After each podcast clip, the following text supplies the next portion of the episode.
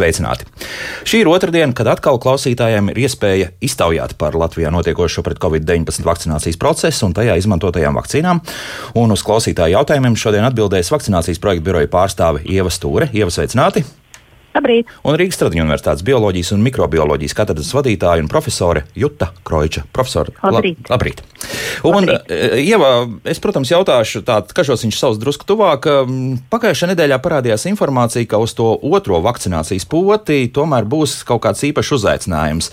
Nu, man šodien tā kā vajadzētu otrais potēties, bet nekādu uzaicinājumu neesmu saņēmis. Kas tur īsti notiek? Mm, nu, tā nevajadzētu būt. Jautājums, kas ir jūsu pirmā pota? Tas ir pirmais jautājums. Nu, tā, Pfizers, jā, tā.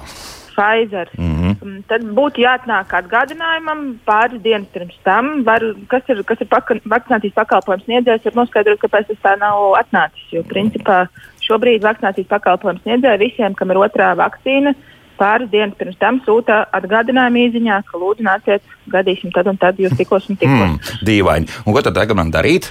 jo man burtiski pēc divām stundām jāiet. laiku, kas ir norādīts uh, doties, jā? Pakalpam kartītē, doties saņemt. Un zemesargs man pieklājīgi neizmetīs ārā un apkārtējā publika dara nosodoši skatīsies, reku viens bez rindas grib ielīst, jā? Nē, nē. Tik traki jā, nebūs, jā? jā? Jā, un arī pārējiem ir rakstīts vakcinācijas pakalpojumu tajā vakcinācijas kartītē, kad ir jāsņem laiks otrai potē, tad ir jāiet viņi saņemt. Mm -hmm, Turpat, kur saņemās pirmo. Nu jā, tad, tas tik tālu ir skaidrs. Uh, Ieva, šobrīd uh, saistībā ar Eiropas Savienībā notiekošajām lietām par vairāk par AstraZeneca tātad iespējamo līgumu laušanu, vai mums ir kaut kādas pamatotas vai nepamatotas bažas par to, ka AstraZenecas vakcīnas kaut kādā brīdī varētu pietrūkt, ja tās būs nepieciešamas vēl uz priekšu? Bažu vairs nav. Mēs esam saņēmuši ziņas, ka gaidāmas arī nākošās AstraZeneca vakcīnu piegādes Tā kā visi tie, kas ir saņēmuši pirmo un gaida otro tuvākajā laikā, nu, tad uh, atnāks mums vēl papildus vakcīnas. Mums ir arī noliktavā šobrīd aptuveni 50 tūkstoši AstraZeneca vakcīnu, kas visas tiek taupītas otrajām devām, tā kā uztraukumiem nav pamata. Mm -hmm. Tie, kas ir saņēmuši ziņu par to, ka ir pārcelts viņu vakcinācijas laiks no 9 nedēļām līdz 12. Eh, nedēļai, tad tas ir nu, tīri jūsu pašu veselības labad, jo tie jaunākie pētījumi apliecina, ka 12 nedēļas starp pirmo un otro AstraZeneca poti uzrāda augstāku efektivitāti vēlāk pret, eh, pret uh, slimību. Mm -hmm. Lūk, tā, jā. Uh, vēl kādas svarīgas lietas. Joprojām prioritārās grupas mums pastāv. Uh, kas notiek ar tādu brīvprātīgu vakcinēšanos, respektīvi dzīvo rindu? Viss, viss notiek, nekāda problēma nav. Nu, tur bija kā, ka tika Rīgā no ķīpsalas halas tika pārsviesti cilvēki, uz, ja tā var teikt, uz, uz pāri tiltam, uz, uz kongresnām. Visā citādi viss normāli? Uh, viss normāli. Tā viena sestdiena bija ķipselas halē, kurā bija garas rindas, kas bija saistīts ar vakcinācijas pakalpojumu sniedzēju kļūdu personāla plānošanā. Viņi mm. ātri šo kļūdu centās labot, pārplānoja resursus, atsūtīja papildus vēl brigādes, un principā uz pēcpusdienu jau tā rinda bija krietni mazinājusies. Un tas risinājums aizsūtīt daļu cilvēku no ķīpseles uz kongresam, kas bija ar mieru. Tas arī bija tāds risinājums, kā vienkārši palīdzēt cilvēkiem, lai viņiem nebūtu jāstāv rindā. Bet šobrīd Nu, katrs var atrast savu vietu, ja viņš vēlas vakcinēties. Man ziņo par to, ka ir brīvas vietas šonadēļ gan Vēnspilī, gan Madonā, gan Alūksnē. Rīgā nedēļas nogalē būs brīvas vietas Ķīpselā. Tāpat sestdien būs iespēja vakcinēties ar Jansenu, kas šobrīd ir ļoti pieprasīta vakcīna, ņemot vērā, ka tur nepieciešama tikai viena, viena deva. Mm -hmm. Jā, tā kā iespējas pieteikties vakcīnai ir. Vai tā ir taisnība, ka Jensens tiek pietaupīts tikai tām um, izbraukuma reizēm? Tas bija sākumā, Jā. kad mums Jansens bija ļoti maz. Tad tiešām mēs to izmantojām tikai izbraukuma vakcinācijai. Šobrīd Jansens ir jau krietni vairāk. Jansen ir gan Rīgas centrāla tirgu jau bijis pieejams gan pagājušā nedēļa, gan būs šonadēļ. Pieraksti gan jau pilni, bet, kā jau teicu, vēl ir ratu centrs. Jansens būs arī nākošajās nedēļās. Jansens Daugo, būs Daugopilī šo sestdienu.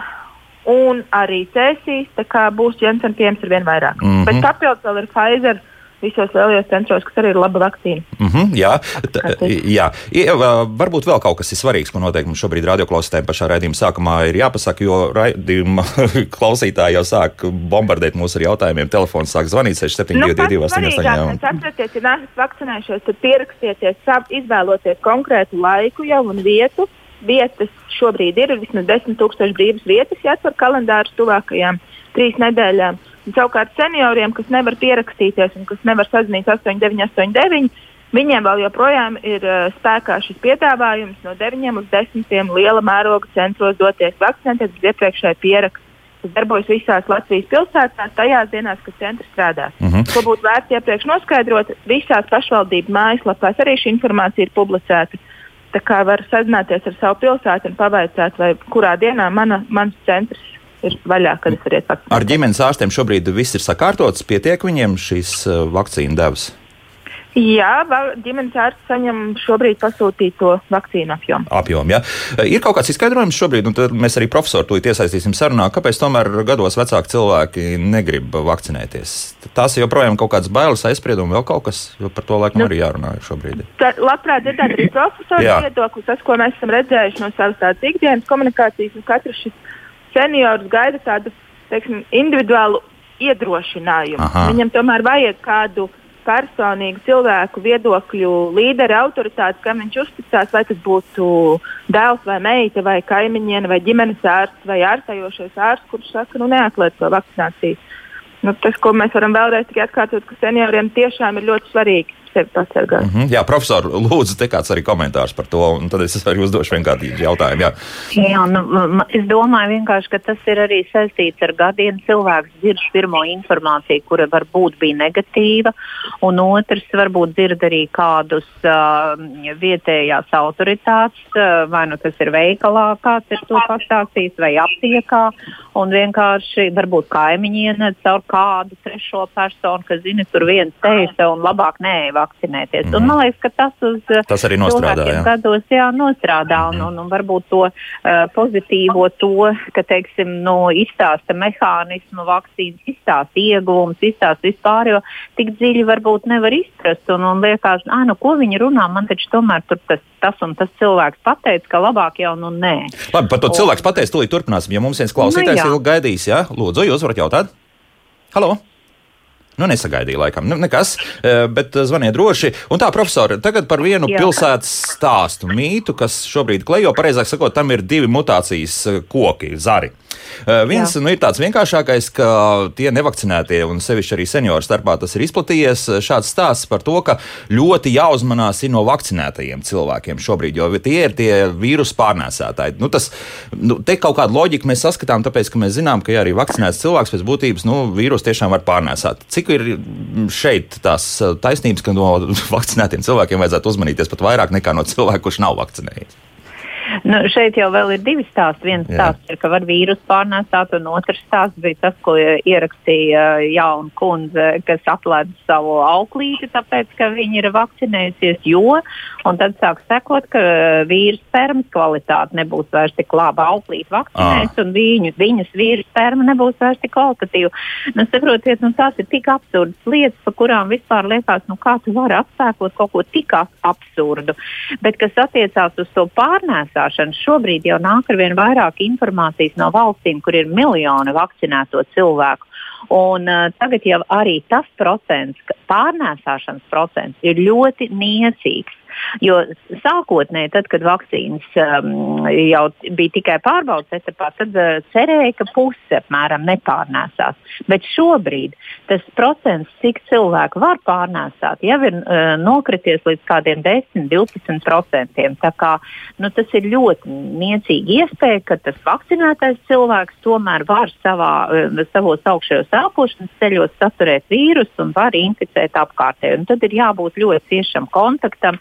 Bet, ja brauc pie vecākiem vai, vai arī uz kādu, nu, pie kāda nu, teiksim, tā, riska grupām, nu, nevajag to tiešo kontaktu, bučošanos un apskaušanos, kā tas bija mums pieņemts pirms. Uh, pirms uh, Tomēr tādu sociālo distanci druskuļi ievērot. Ja? Nu, nu, ievērot distanci, bet tādas bailes, ka, lūk, tagad ir atbraucis vakcinētais un viņš mani tagad aputinās. tieši ir mm, pilnīgi pretēji tam, ka var šo saslimšanu nu, noķert, ja tā var teikt. Ar, ar, ar, šī, ar šādu cilvēku palīdzību. Jā, jā nu, profesor, tagad otrs šis zars, un tas, tas mutācijas zars ir briesmīgāks, jo stāsta par to, ka pastāv, nu, atkal, vai nu Bills Gates vai Bilderbergs klubs vai, vai, vai reptolīdi šajā vakcīnā ir iestrādājuši tādu mehānismu, ka pārnēsētājs nejūt, ka viņš ir slims, bet patiesībā mēs esam tāda staigājoša vīrusa bumba, kas aplipina visus pārējos. Vienmēr sakot, vai tas vispār ir iespējams? Ja? Nu, tagad, tā, paskatoties, protams, varbūt tur ir pilns absurda teātris ja, šajā stāstā, bet nu, tomēr. Es atbildēšu vispirms, varbūt arī, jo es arī esmu šādas te, stāstus dzirdējis, un, un vakar man tad bija izmeklēšana, jo ir vēl šobrīd Latvijā cirkulē vēl trešais stāsts, par ko es Aha. arī gribēšu mazliet pastāstīt. Runājot par šo, nu tā tad bija tāds stāsts, mēs visi esam čipēti, un tagad gaidiet, ka jūs būsiet uzskaitē un tam līdzīgi. Nu, un, nu, es joprojām arī... gaidu Bill Gates balsi, ka man ies, ieskanēsies galvā. Mēs visi gaidām kontakta Bill Gates, un, un Jā. man bija vakar saruna ar Erante Vakseri. Un, uh, un, un, un, ziniet, sekoja zibenīga atbilde. Nē, tas notiks nākamā gadsimtā. Nu, oh. tad, uh, tad, nākamajā gadsimtā? Gaidī, jā, nākamā gadsimtā. Tad mums ir cerības uh, nodzīvot vēl ho, ho, 80 ar 8 gadus, jā, jā, un tad beidzot Bills Gates ar mums sāks runāt. Mm, tā, jo šobrīd viņš vēl nav sācis. Nu, bet saprotiet, tā, tā atbildība zibenīga. Nevis, ka tur tāda, nu jā, nu varbūt. Nē, nē, nē, nē būs nākamā gadsimtā.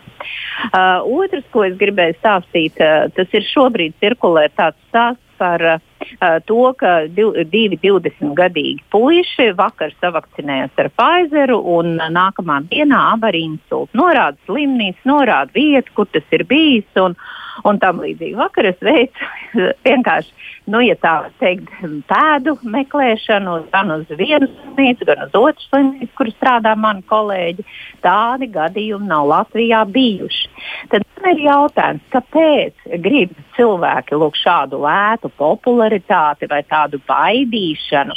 Nu, to es varētu teikt, nu, tad vienkārši jāatsāk skatīties midsomeras slepkavības, un tad varbūt nomierināsim savu to visu laiku trauksmi, ka mums jāgaida ir kaut kādas uh, sensācijas, un, un, un redziet, tagad un tieši Pfizer un 20-gadīgi puiši. Nu, nu, kāpēc vajag izplatīt šādas lietas? Tādi gadījumi nav bijuši. Un, eh, ja tādi būtu, tad tas tiktu tik ļoti rūpīgi izskatīts un runāts. Bet nē, tagad apmēram stāsta tos, grib noslēpt kāds vai vēl kaut ko. Lūdzu, neticiet. Ja līdz jums atnāk šāda informācija, tādi gadījumi nav. Mm -hmm. nu, tas, tas, jā, bet, profesor, par, jā, par jā. šo, bet sakiet, nu, vai nu, tomēr militāristi ar bioloģiskiem ieročiem ir nodarbojušies gadu desmitus. Nu, šobrīd it kā nenodarbojas, bet nu, labi zināms, ka visdrīzākais kaut kur kāda valsts ar to tomēr nodarbojas. Nu, Tīri teorētiski ir iespējams uztaisīt tā, ka cilvēks ir šāds uh, nesētājs bez jebkādām pazīmēm, ka viņš pats būtu slims. Uh, mums daba tā ir iekārtojusi. Mēs 97% no visiem uh, pasaules iedzīvotājiem nesājam savā organismā herpes vīrusu. Mm -hmm. 97%. Tie 3% tie ir mazie bērniņi, apmēram līdz 3-4 gadu vecumam vēl nenēsā. Bet pēc tam mēs saskaramies ar vīrusu, un vīruss iesēžās uh, mūsu trīsdara nervā, un viņš tur sēž visu atlikušo mūžu. Un, ja cilvēks saka, man herpes nav, tad vienkārši viņš pieder pie tiem procentiem, kuriem neaktivizējās šis vīrus. Bet pēdējā laikā, tagad, kad cilvēki daudz slimo ar covid un, un arī ar citām vīrusu infekcijām, tad aktivizējas piemēram herpes zoster. Un šiem cilvēkiem covid infekcija notiek ļoti uh, smagi norit un, un uh, lūk, tas vīrus var aktivizēties. Jā. Tātad gan parastais kas ir uz lūpas, uz deguna, gan jostas roze, jeb herpes zoster. Tie visi ir herpes uh, dzimtas vīrusi, un viņi sēž mūsu organismā. Vienu reizi mēs inficējamies, un visu atlikušo mūžu sēž.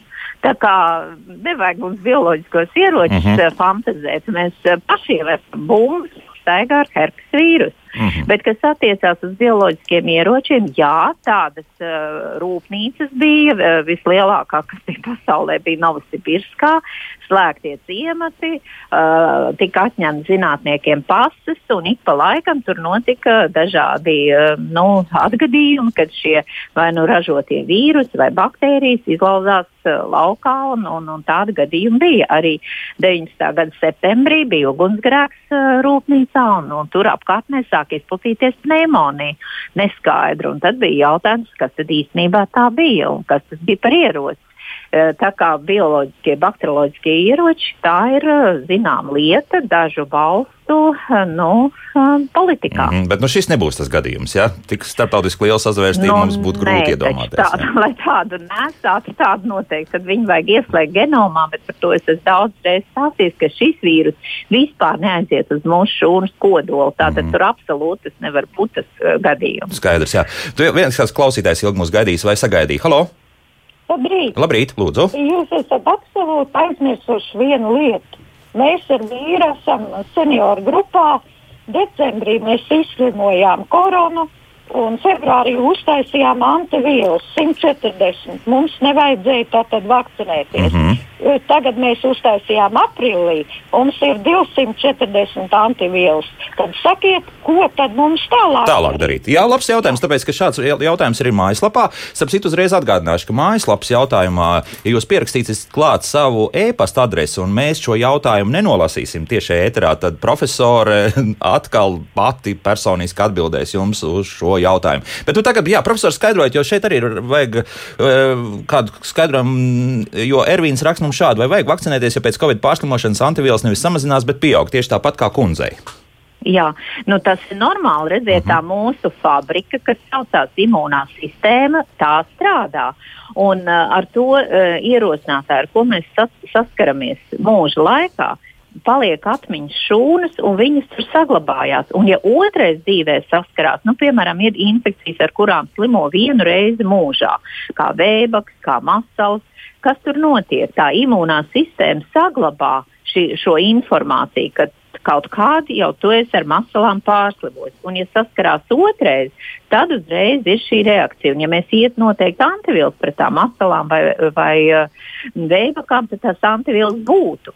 Un, uh, neskatoties, ka mums šobrīd ir 75 gadi vai 80 gadi, ja bērnībā 4-5 gadu vecumā tas process notika, tad iedomājieties visus tos 70 gadus mūsu imūnā sistēma spēja saglabāt informāciju. Tas mm -hmm. pats ir šeit. Šī gadījumā decembrī izslimoja, informācija ir. Bet šeit ir eh, jautājums, kāpēc pieaug. Protams, ka tās šūnas arī uh, vairojās un, un, uh, un saglabājās, un koncentrācija var pieaugt. Tas ir normāli. Jūs neesat pirmais gadījums, tādi ir daudz. Bet uh, tagad mums ir jāsaprot, ko mēs ar šo informāciju varam darīt. Un ko darīsim? Jā. Nu, un es tagad īsti nemāku jums atbildēt, Aha. ko darīt. Jo redziet, tās antivielas veidojās pret visu vīrusu, pret uh, nukleokapsīdu, pret visām tām sastāvdaļām, kas īsti nepasargā mūs no inficēšanās. Jo mēs esam runājuši par to, ka galvenās ir antivielas pret S proteīnu, pret tām uh, adatām, kas ir vīrusu virsmā vai pīķiem. Bet cik tad ir tā kopējā antivielu skaitā, ko, ko kundze nosauc, cik īsti ir to antivielu, to jau ir grūti pateikt. Un kas pavairojās? Aha. Vai tās es vai tās otras nevajadzīgās, teiksim tā. Tāpēc ik pa brīdim arī virusologi saka, ka šiem testiem uz, uz antivielām nu, ir tā. tāds rekomendējuši bezmaz vai tāds nu, raksturs. Tieši ja? tā, nu pieauga. Labi, mm -hmm. tagad otrs jautājums, vai tas ir daudz? 100, 200 vai tas ir nu, daudz. 400 un redzat, pat vairāk. Jā. Uh, nu, jā, nu, tagad ir vēl uh, otrs ar to pašu saistīts jautājums, cik ilgi viņas būs. Jūs aiziesiet vēl pēc divām nedēļām, vēl pēc mēneša, nu tad skatīsieties vēl, vēl gaidīsiet, vakcinēties vai nevakcinēties. Tā jau ir iekrist, ziniet, tādā atkarībā. Nu, tagad, ā, divas nedēļas pagājuši, man jāiet atkal antivielas jānosaka. Un, un, un, un atgriežoties, vai tas ir daudz vai maz, es to e, varu tikai pateikt pateikt, jā, referents līmenī tas ir, nu, tas, ko saka laboratorija, šeit ir pietiekami. Ja? Bet cik ilgi viņas saglabāsies, to jau ir grūti pateikt. Tāpēc jau rekomendē no 3 līdz 6 mēnešiem pēc pārslimošanas iet un vakcinēties. Tad uzreiz uzliks augšā tās iegūtās, tā iegūtā imunitāte un tad gan mēs būsim droši. Tāpēc mm -hmm. nu, šeit ir divi varianti. Iet ik pa divām nedēļām mēnesi un vakcinē, mm. tas ir pārbaudīts, vai tomēr pēc sešiem mēnešiem pieņemt lēmumu un iet uh, vakcinēties. Mm. Tad, principā, vakcīna un, mums izlīdzina tā laukumu. Nu, protams, ja? nu, protams mm -hmm. bet uh, attiecībā par to man bija simts uh, antivielas, ja tas līmenis, vai tas ir daudz. Nu, man ir uh, daudz kolēģi, kur tomēr arī ir gribējuši savu ziņkārību apmierināt salīdzināt, ir 25,000, 30,000, tad kundze jūs 200 ir nieks salīdzinoši, tāpēc, bet tās 25,000 tas ir pēc vakcinācijas. Mm -hmm. Tāpēc es jums nemāku atbildēt, vai tas ir 200 ir daudz, vai tas uh, pasargās un cik ilgi pasargās. Tālūk, Tāpēc uh, vak, uh, antivielu noteikšanas tests noliksim maliņā. Uh, Un seši mēneši noteikti ir iemesls, lai vakcinētos. Jā, negrib inficēt. Mm -hmm. Tā, mums kāds klausītājs ilgi gaidīs atkal, lūdzu. Jūs varat jautāt? Labdien, Labdien. man ir divi jautājumi. Lūdzu. Man, es esmu pirmo vakcīnu izdarījusi. Otrā man nozīmēta 5. jūnijā, bet man paiet tikai deviņas, knapi paliek deviņas nedēļas. Kā es varu pagarināt to ilgāk par divām nedēļām? Tas ir viens, bet otrs trakākais jau ir tas, ka es nesaprotu, man acīm redzot, nav, ka neesmu uzskaitē kaut kur. Jo? Ka es esmu vakcinējusies, jo man joprojām nāk atgādinājumi, lai es piesakos uz vakcināciju. Jā? Tas ir viens. Mm -hmm, jā. jā. Un otrs jautājums. Nebrīnāties, kad veci cilvēki neiet uz vakcināciju, viņiem to nevakcinē. Jo, piemēram, man ir konkrēts gadījums Krāslavā. Nu, cilvēkam 82 gadi, kuram ir pilna buķete ar visādām slimībām. Ja viņš saslimst, inficēsies, viņš noteikti nomirs. Bet ģimenes ārsts, es nezinu viņa uzvārdu, nu, vīrietis, ja, uh, viņu, viņam neiesaka vakcinēt. Neiesaka ģimenes ārsts. Jā, jā. skaidrs, nu, labi, jā, paldies. Paldies, paldies, jā, paldies. Tā, tā pirmkārt, Ieva, jā, par to, ka joprojām kundzei nāk atgādinājumi par to pirmo, ka varētu iet, jā, kaut gan jau pirmā ir veikta, un, un arī par tiem datumiem, jā, par to pārcelšanu, to profesoru jautāsim. Jā, tur bija tā kā 13 lietas. Jā, jā, jā. Par to pārcelšanu no 9 9 uz 12 nedēļām tur jāsazinās ar to vakcinācijas pakalpojumu sniedzēju, kur jūs saņēmāt pirmo vakcīnu. Jāvaicā viņam, vai pārceļ šo poti uz 12. nedēļu. Tas ir viens. Otrām kārtām par to uzskaiti būtu jāpaskatās savi dati e-veselībā. Kas ir vissvarīgākais, tā kā avot vai e-veselībā, jums ir ziņas par to, kas ir vakcinējusies vai nav. Ja tur tā nav atzīmēts, tas iespējams arī ir vakcinācijas pakalpojums sniedzējs, kam, kam ir gadījusies kļūme. Uh, nu, tad pie otrās vakcīnas saņemšanas vajag lūgt, lai viņi šo informāciju izlabo noteikti ievada.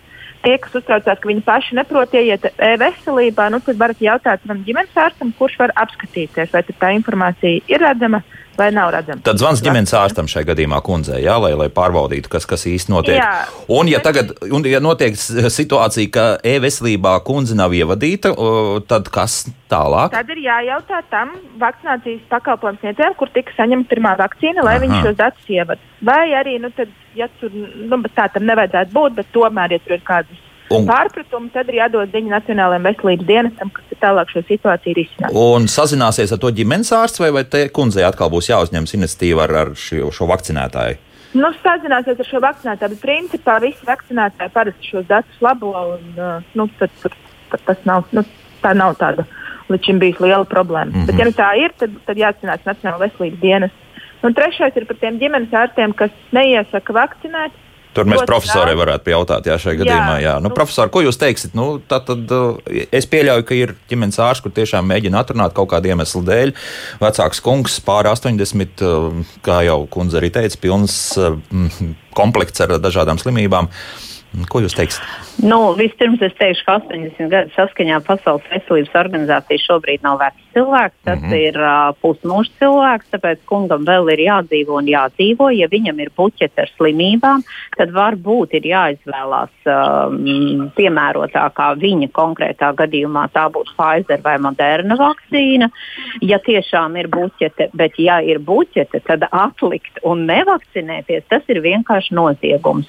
Un, uh, es noteikti iesaku, ka vajag viņam vakcinēties. Jautājums ir piemeklēt vakcīnu.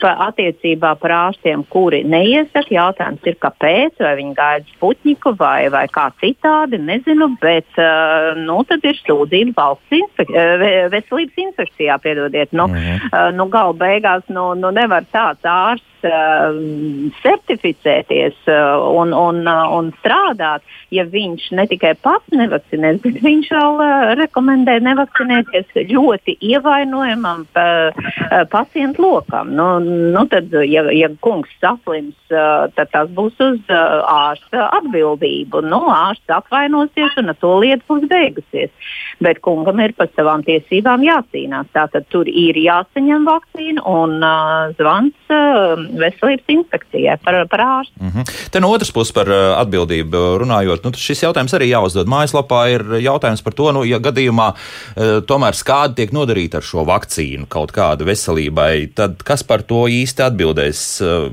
ir skaidrs, Ieva, vai varētu sekot kaut kāda, nezinu, tiesa darbi vai, vai kompensācija maksāšana, ja tiešām izrādīsies, ka kaut kas tāds ir noticis?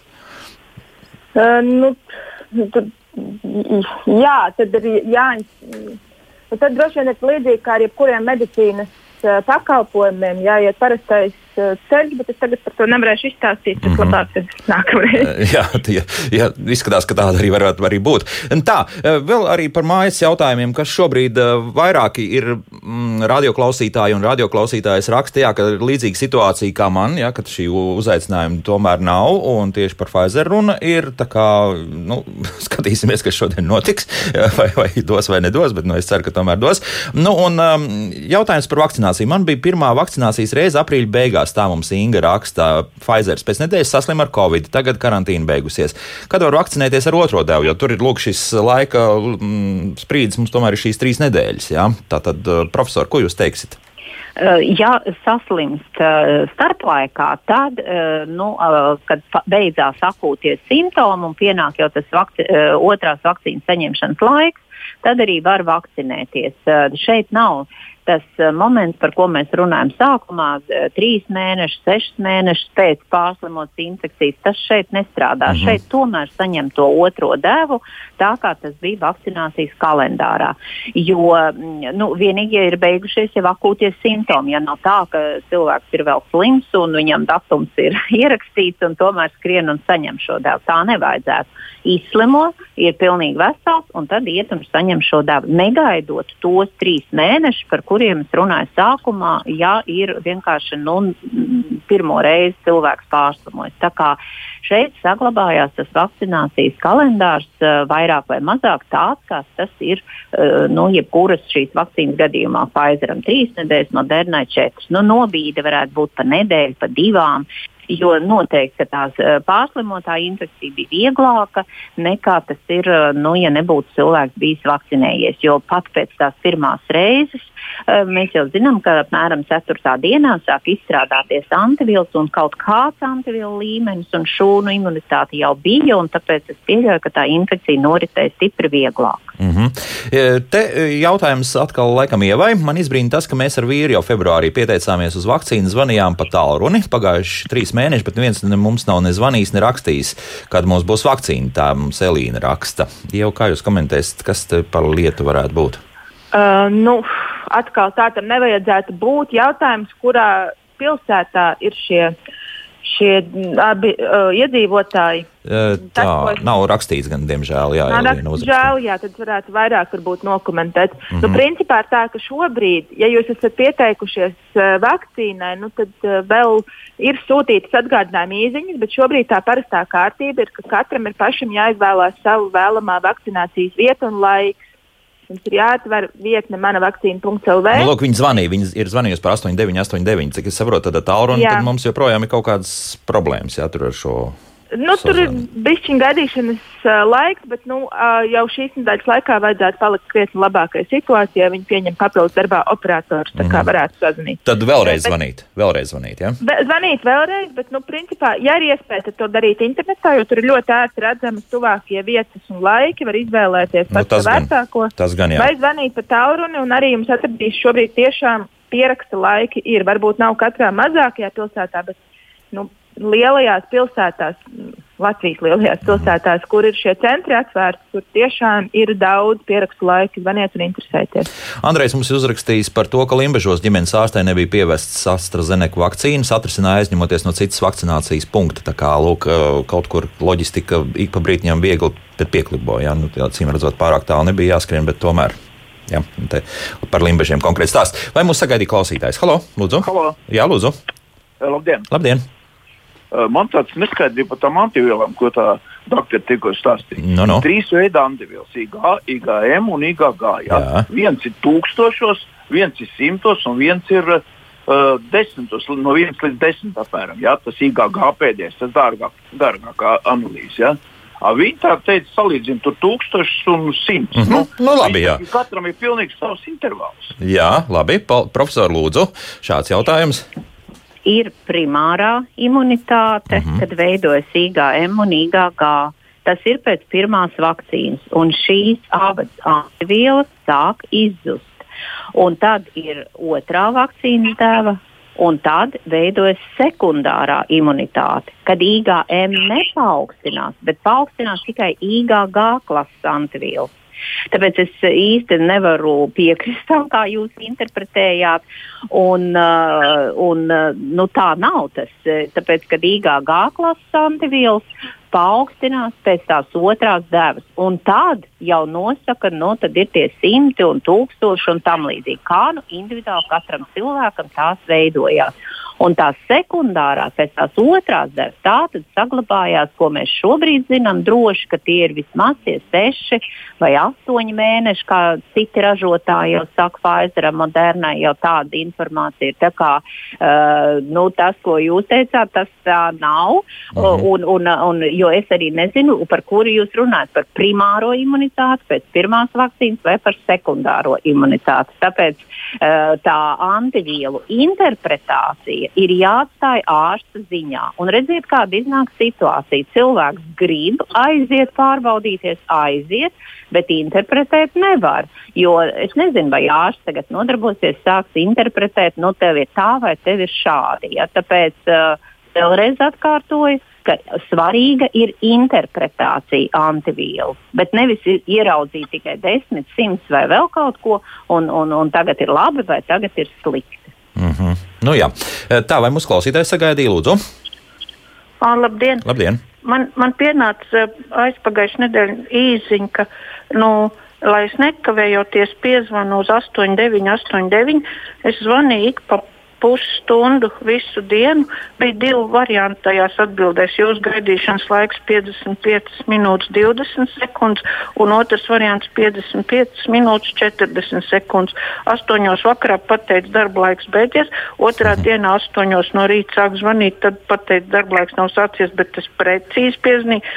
Tad bija nu, 35, jūsu gaidīšanas laiks 35 minūtes 20 sekundes, un tad es noliku savā redzeslokā telefonu un, un visu laiku tā lūkoju.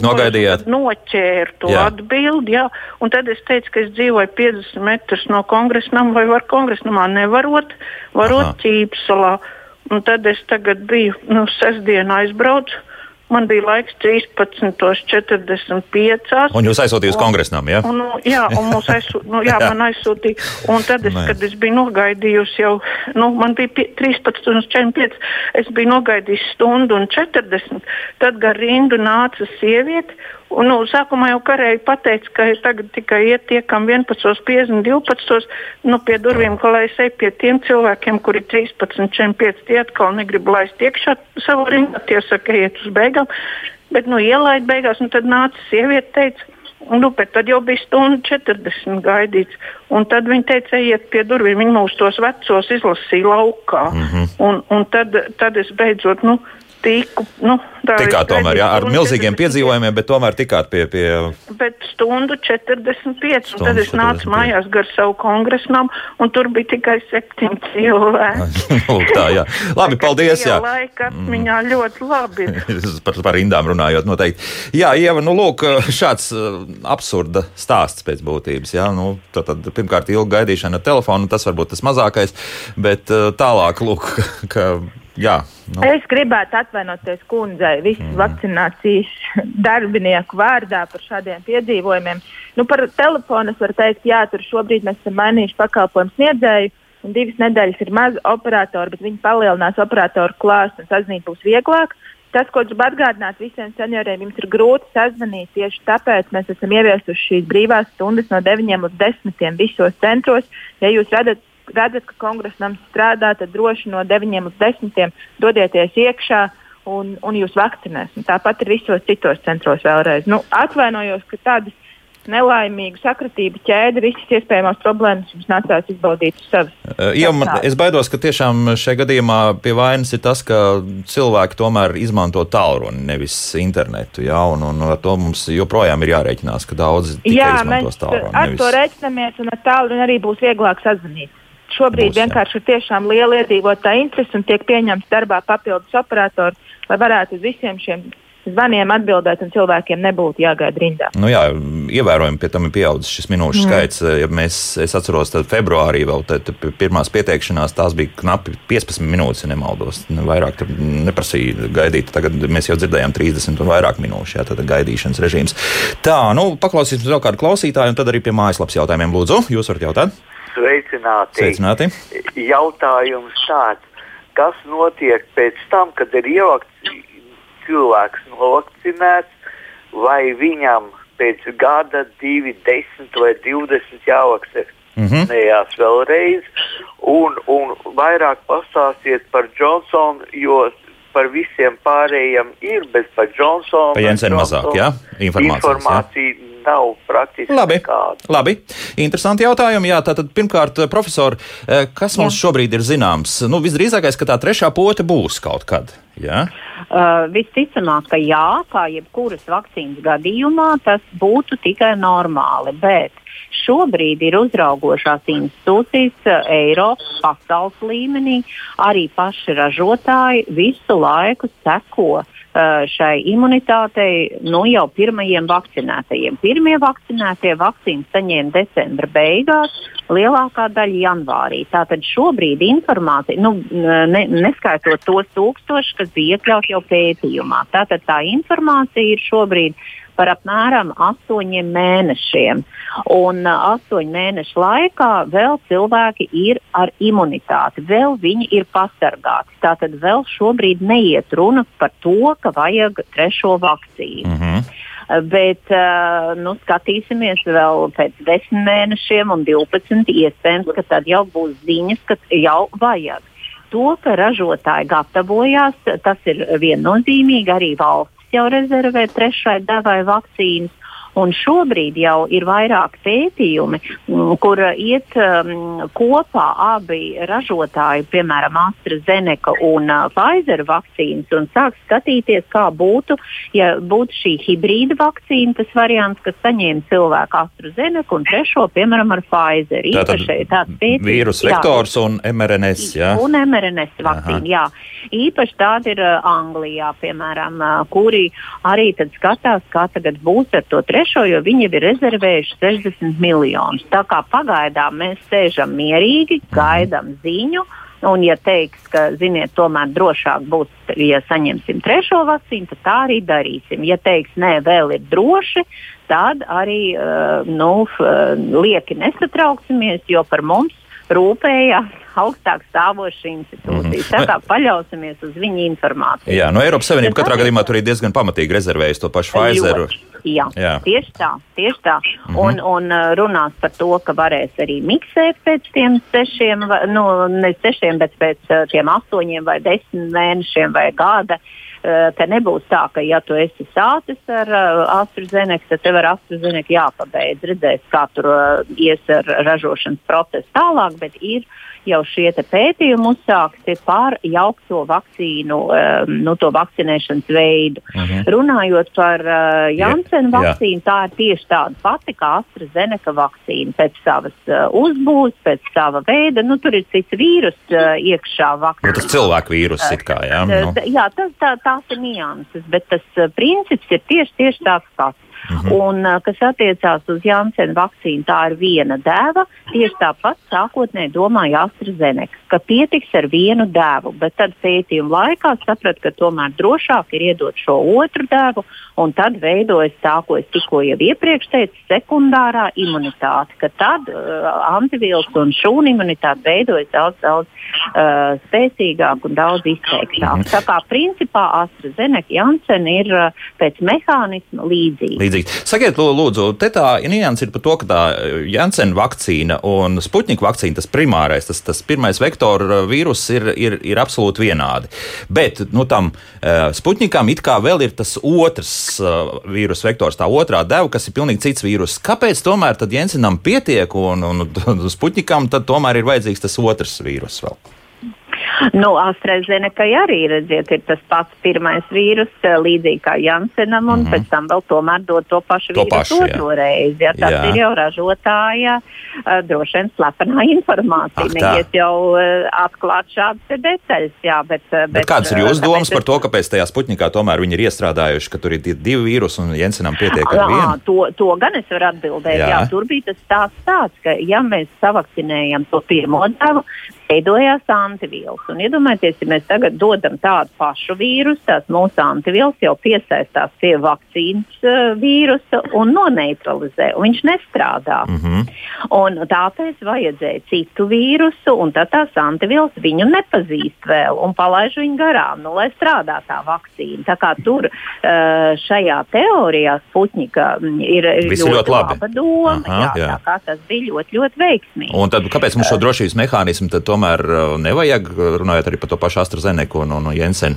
Nu, tas, tas atkal ir tas ražotāja jautājums. Ja, tomēr tās antivielas nav tik daudz pēc tās pirmās vakcīnas, acīm redzot, ja, un tāpēc arī uh, laiž to, to periodu garāku, jo sākotnēji jau bija, kas pēc sešām nedēļām, tad pārgājām uz astoņām, tad deviņām nedēļām, tagad jau tuvāk 12 nedēļām. Nu, tad tās mm -hmm. antivielas jau būs nokritušās.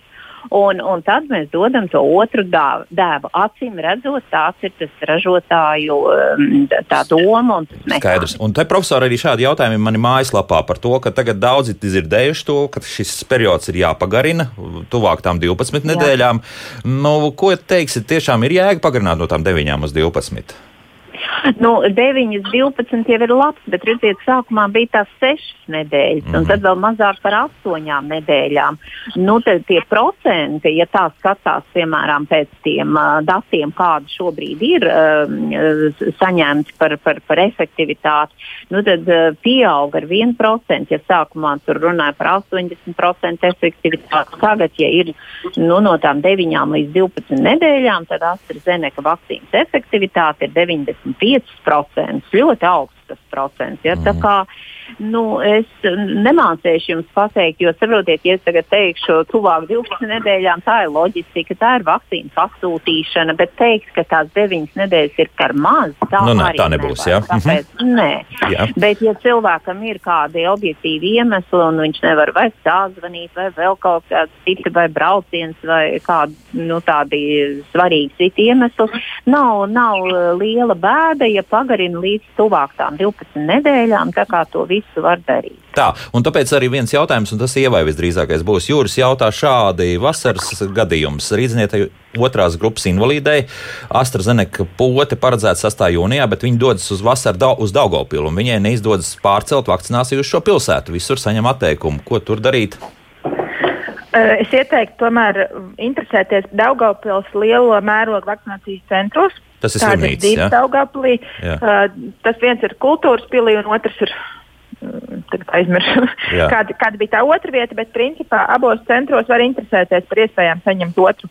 Mm -hmm. uh, par, Arī AstraZeneca tur nebūs nekādas atšķirības, vai, tas, vai tur būtu Pfizer, pieņemsim, pieejams Jensens. Jūs teicāt, ka Jensens ir tieši Daugopilī. Jā, ir, Visi centri vakcinē, principā ar visām vakcīnām nebūs tā, ka tieši tajā dienā, kad jūs vēlaties, bet atrast datumu, kad būs tā viena vai cita vakcīna, to noteikti var. Vienkārši ir jāzina, jāinteresējas. Mm. Drusku šaubas par to, ka mm, kundze ir otrās grupas invalīda. Varbūt viņai būs zināmas grūtības ar pārvietošanos. Nezinu, katrā gadījumā tā situācija varētu būt drusku sarežģītāka. Bet katrā gadījumā doties uz šiem lieliem tātad, potēšanas centriem. Ja? Tā, kāds klausītājs ilgi gaidīs, lūdzu? Halo? Halo? Jā, lūdzu. Labdien, Labdien. esmu pārslimojis. Jā. Pēc kāda laika man vajag uh, vakcinēties, un vai divas vakcīnas vajadzīgas? Mm -hmm, jā, labi, paldies. Jā, arī interesanti. Vai, vai tad ir nepieciešams divas vakcīnas? Jā. To testu Nu, zināt. atkal šeit ir pēc pārslimošanas Jā. veidojas tās, uh, nu, kā mēs uh, varam vienoties, nosaukt viņas varbūt par tām liekajām antivielām, mm -hmm. kuras Mhm. nepasargās no, no, no atkārtotas saslimšanas pret visām pārējām vīrusu sastāvdaļām.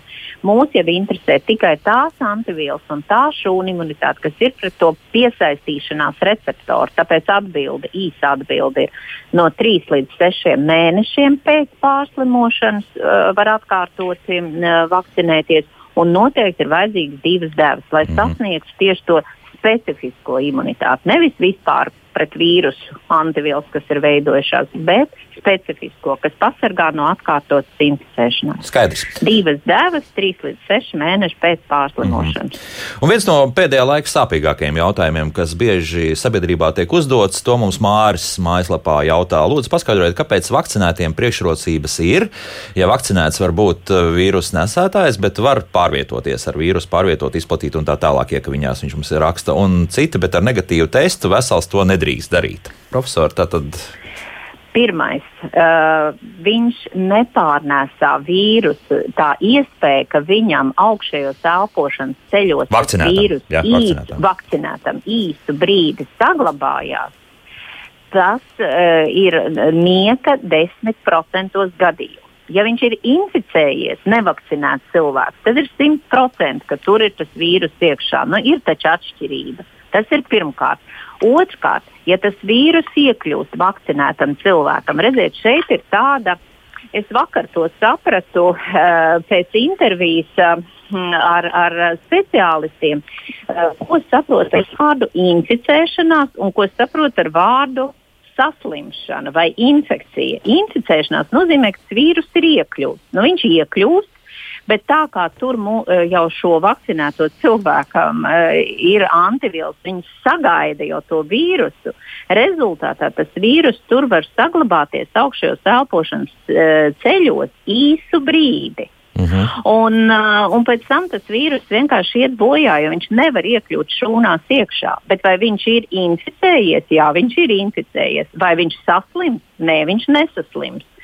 Un te ir tā būtiskākā atšķirība. Tātad vārds inficēšanās nozīmē, ka viņā iekļūs vīrus, bet tas nenozīmē, ka viņš saslims.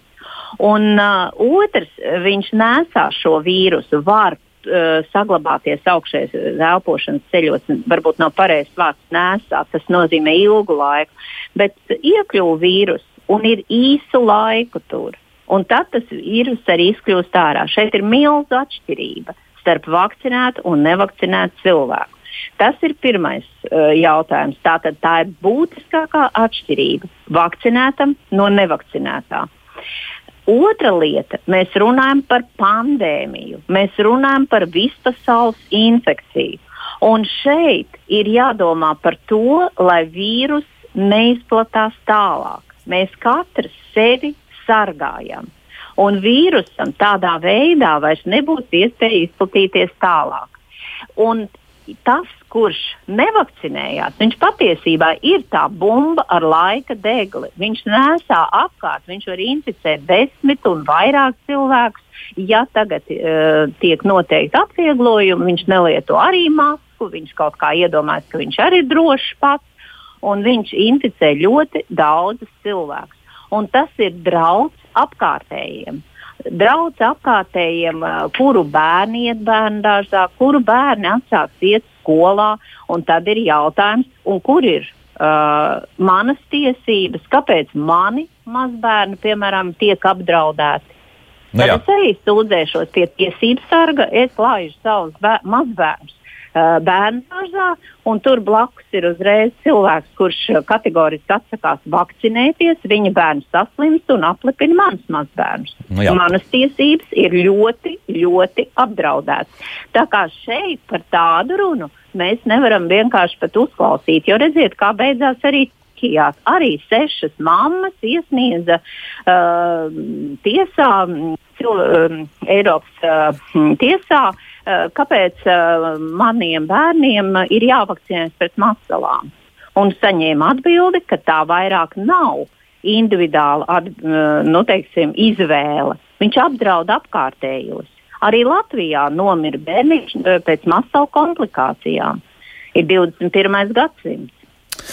Eh, visiem iesaku, tad laikam pat šobrīd ir iespējams aiziet uz Mākslas muzeju, kur ir liela tātad, izstāde, kurā ir eh, gan Latvijas, gan Igaunijas, gan arī Lietuvas dižmeistari gleznas, un tur ir Rozentāla glezna eh, nāve, tā arī sauc, kur māte vienkārši sēž uz rokām nu, mirstošs bērns, un turpat arī nāves stāv blakus. Tāda realitāte 19. gadsimtā bija. Jā, tad no cik no 503 izdzīvoja. Jā, jā, jā, ne tikai arī jā. 20. gadsimtā, uh, nu, paskatīsimies arī uh, nu, 30. gados, ja Amerikas prezidents Rūzvelts 38 gadu vecumā inficējās ar poliomīlītu, palika mm. ratiņkrēslā. Cik ģimenes zaudēja savus bērnus? Gan difterijas laikā, gan poliomielītu. To vienmēr kaut kā aizmirst. Jā. Profesor, mums diemžēl jābeidz. mums diemžēl ir jābeidz. Jā. Eh, kā jau teicu, tad visi jautājumi, kas ir neatbildēti mājaslapā, bet eh, pareizas e-pasta adreses ir norādīts. Profesori apsolās atkal kārtīgi reizi jāatbildēt uz visiem jautājumiem. Personiski tā kā liels paldies Rīgas Stradiņu Universitātes bioloģijas un mikrobioloģijas katedras vadītājai un profesorai Jutai Kročai un arī vakcinācijas projekta biroja pārstāvēja Ievai Stūrai. Ieva, nu tad eh, varbūt, ka šoreiz sakām tiešām veiksmīgus arī nākamos darbus. Jā, laikam tā. Jā, jā nu, lūk, tā. Šoreiz jā. Šoreiz jā. Jaukdien visiem un tā.